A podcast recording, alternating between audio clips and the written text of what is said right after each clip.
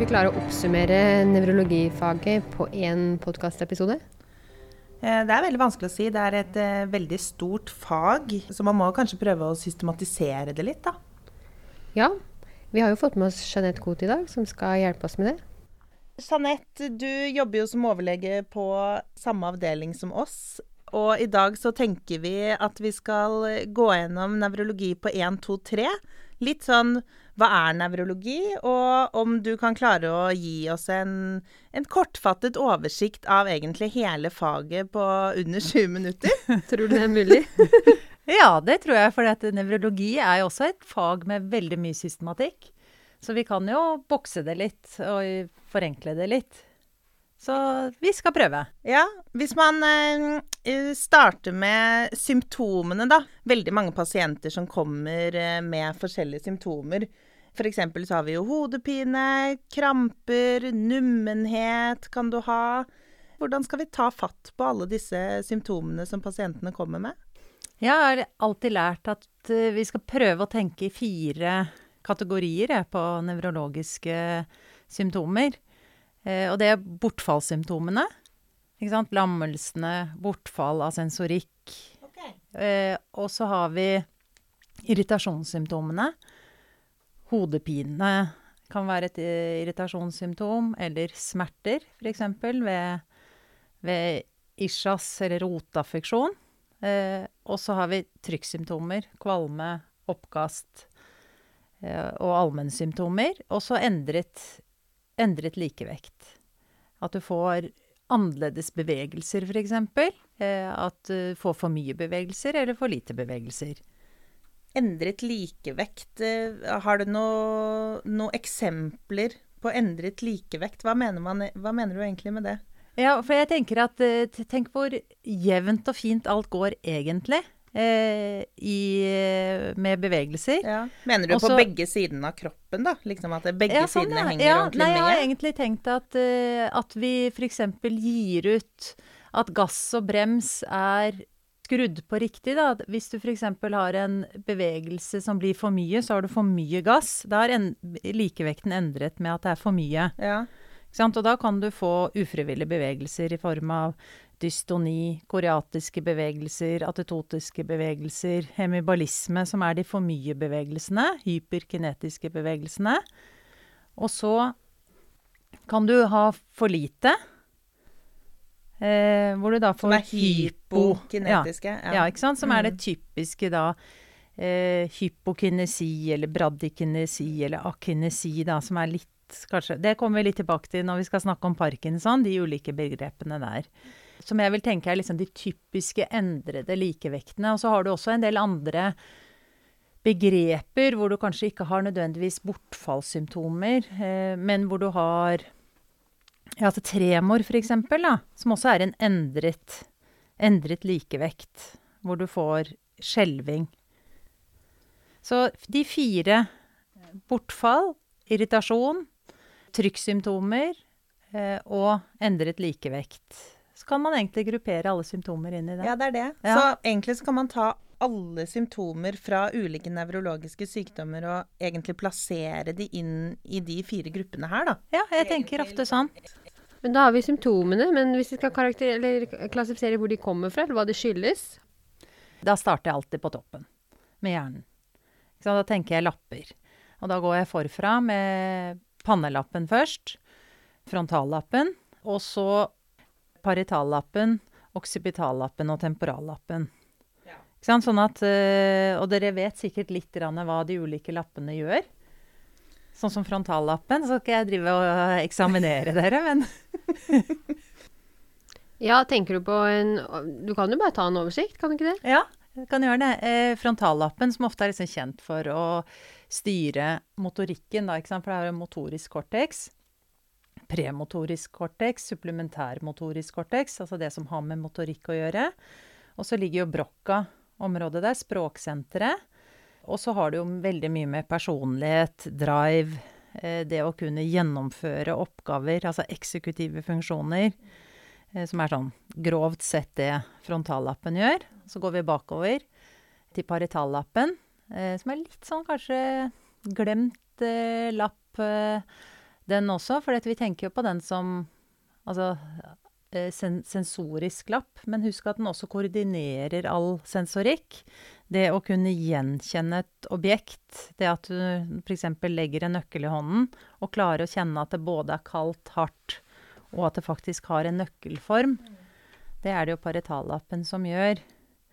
Eh, topunktsdiskriminering, f.eks. Eh, det er også paretallappen.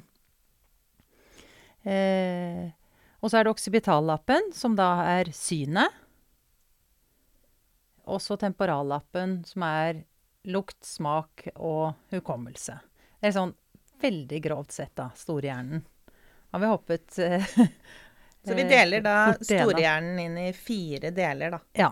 ja. Så det er da frontallappen, paretallappen, tem Temporallappen. temporallappen og oksybitallappen. Ja. Ja, og så kommer vi ned til hjernestammen, som er da mesencephalon, pons og medulla oblongata, tatt ovenfra og nedover. Eh, og eh, den er jo på en måte Hjernenervene er jo liksom vinduet inn til det området eh, veldig mye, og da pleier jeg ofte å tenke Hjernenerve 1 til 4 ligger i nivå mesencephalon. 4 til 8 eh, er pons. Og 8 til 12 medulla oblongata. Så må dere ikke ta meg i detaljer på det, for det er ikke alltid helt riktig. Sånn som trigeminus. Kjernen f.eks. ligger jo ganske sånn spredt i hele hjernestammen. Men likevel så stemmer det som en huskeregel Så ganske litt godt. forenklet, Ja, da. Ja, veldig man forenklet si er en del sånn. av dette. Men, Ja. men eh, Og så har jo ikke første og andre hjernenerve De har jo ikke kjerner på den måten, for de er jo sentral, en del av sentralnervesystemet. Hele Så de er veien. litt en forlengelse av det. Ja. Og så har man jo lillehjernen. Lillehjernen, ja. Eh, som har med koordinasjon å gjøre. Altså nøyaktige bevegelser, og at alt glir pent og ordentlig av motorikk. Og også eh, at øynene beveger seg jevnt. Talen er jevn og pen, ikke sant? Eh, og det, hvis det er noe med lillehjernen, så kan man jo da få ataksi, eller uorden i bevegelsene. Og så hopper vi nedover da til ryggmargen, som har liksom sine segmenter nedover. Da har vi cervikalavsnittet, torakalavsnittet, lumbal- og sakralavsnittet. Eh, og så kommer man da over i det perifere nervesystemet eh, med røtter, pleksus, perifere nerver.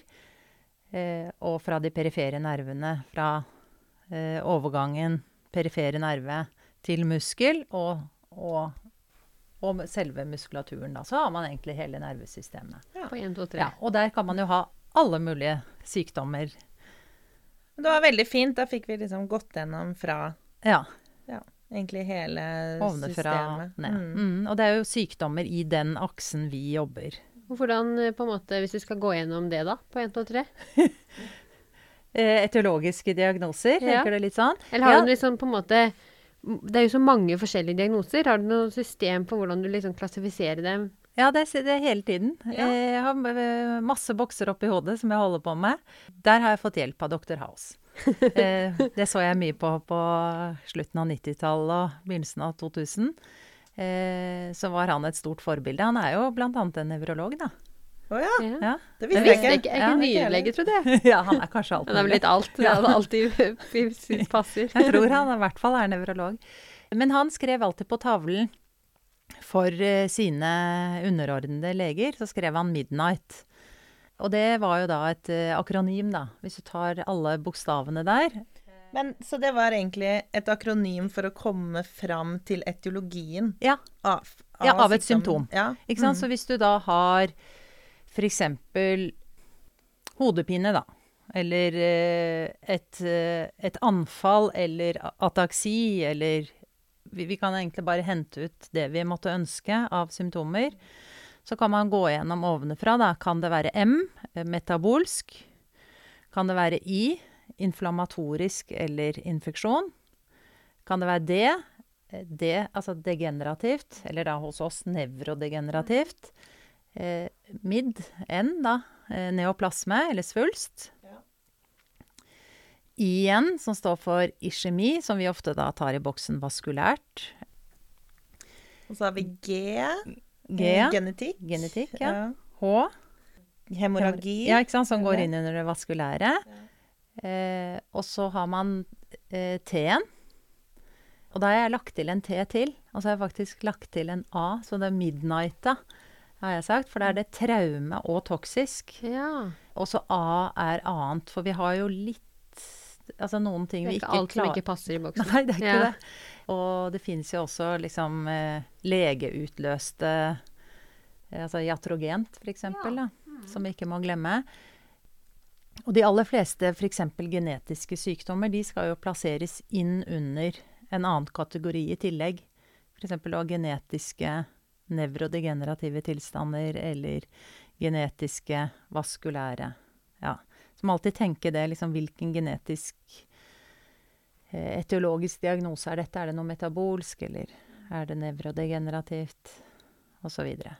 Så, eh, så hvis vi kan øve oss litt, da, tenker jeg at vi kan ta for oss et symptom som jeg vet at vi skal snakke om senere. Ja. F.eks. ataksi. Da, At det helt tilfeldig valgt. ja. Så eh, M for metabolsk, da. Ja. Begynner på toppen. ikke sant, så har vi jo metabolske tilstander, eh, f.eks. ataksi med vitamin E-mangel, da.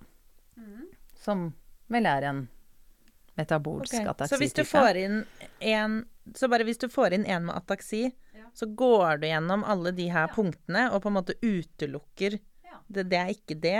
Da går vi videre til neste. Ja, Ja, det er egentlig jeg at veldig smart. Eh, og så pleier jeg også alltid å tegne opp en, eh, en slags kurve i hodet, da, eller sammen med pasienten, hvis det blir eh, vanskelig å få det ut av anamnesen. At jeg tegner en pil oppover med summen av symptomer, eh, og så en tidsakse bortover til høyre. Og så tegner jeg, ikke sant, kom dette akutt? Og hvor fort kom det? Kom det i løpet av sekunder, timer, dager, uker, måneder? Eller år? Og hvis det da er år, så tenker jeg at dette er nevrodegenerativt. Kommer det i løpet av sekunder? Er det vaskulært? Svinger det opp og ned? Da er det jo mer sannsynlig infeksiøst, inflammatorisk. Metabolske kan jo også til dels gjøre det, men du har liksom metabolske nevrodegenerative tilstander også. Så da svinger det, pluss bare blir mer og mer symptomer.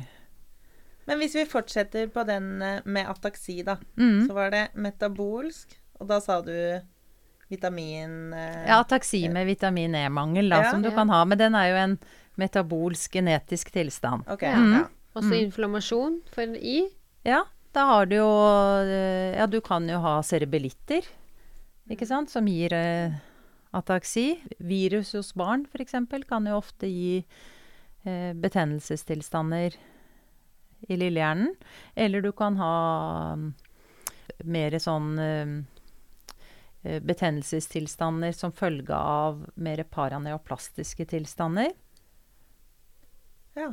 Og så har du da Degenerative. Ja, degenerative. Degenerative, ja, de finnes det jo veldig mange av på ataksisiden. Da. Egentlig alle hereditære eller arvelige ataksier er nevrodegenerative. Da er vi på D, altså er vi kommet til N igjen. Neoplasme. Ja, ikke sant? Så Ja. der har du jo Og særlig barnesvulstene er jo ofte i det vi kaller bakre skallegrop. I kjemi? ja. Da har du jo ofte blødningene eller infarktene i lillehjernen, som er veldig viktig å overvåke. De kommer jo ofte fort og gir mye symptomer. Eh, Kan jo gi redusert bevissthetstilstander. Og genetikk hadde du allerede nevnt. Jeg har jo det, og det finnes jo over 200, kanskje, rundt der. Arvelige ataksier, så det er jo et stort felt. Og så var det hemorragi, det er jo vaskulært. Det har vi tatt Ja, så den har vi kort. tatt. Og så var det disse to T-ene. ja, Toksisk traume og og toksisk. Ja. Mm, og traumene er jo på en måte hodeskaden. Ja. Og det toksiske, da. Toksiske er jo medikamenter, Medikamenter, som er um, Altså de gamle medikamentene, altså epinat er jo kanskje en av verstingene på ataksier. Eh, så det finnes litium også, kan gi eh, ataksi. Litium kanskje det som flere Altså som er mer i bruk, da. Ja, Nå. ja. Viktig å tenke på. Så det finnes, nå har vi bare nevnt noe, da, men det er på en måte sånn jeg tenker når jeg har et nytt symptom foran meg. Og så er det jo noen ting jeg kan veldig fort luke ut. Altså vaskulært forfølger jeg jo ikke da hvis jeg har en langsom sykehistorie. Eh, Det blir som et slags sikkerhetsnett, da.